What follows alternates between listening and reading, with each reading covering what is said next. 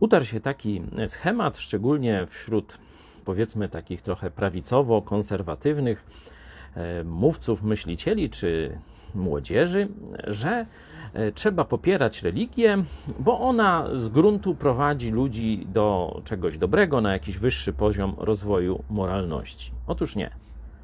Religia prowadzi ludzi do upadku moralnego.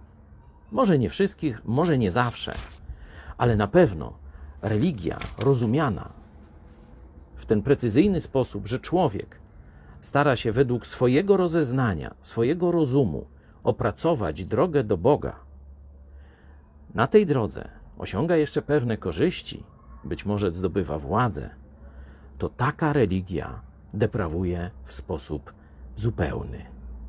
Możemy to zobaczyć w przypadku religijnych przywódców żydowskich. Sam Bóg przyszedł w ludzkim ciele, Jezus Chrystus. Przychodzi, przedstawia listy uwierzytelniające, przedstawia prawdę o Bogu i człowieku. Co robią w tym czasie przywódcy religijni? 26 rozdział Mateusza. W tym czasie zebrali się arcykapłani i starsi ludu w pałacu arcykapłana zwanego Kajfasz i naradzali się, aby Jezusa podstępem pojmać i zabić. Mówili jednak tylko nie w święto, aby nie powstały rozruchy między ludem.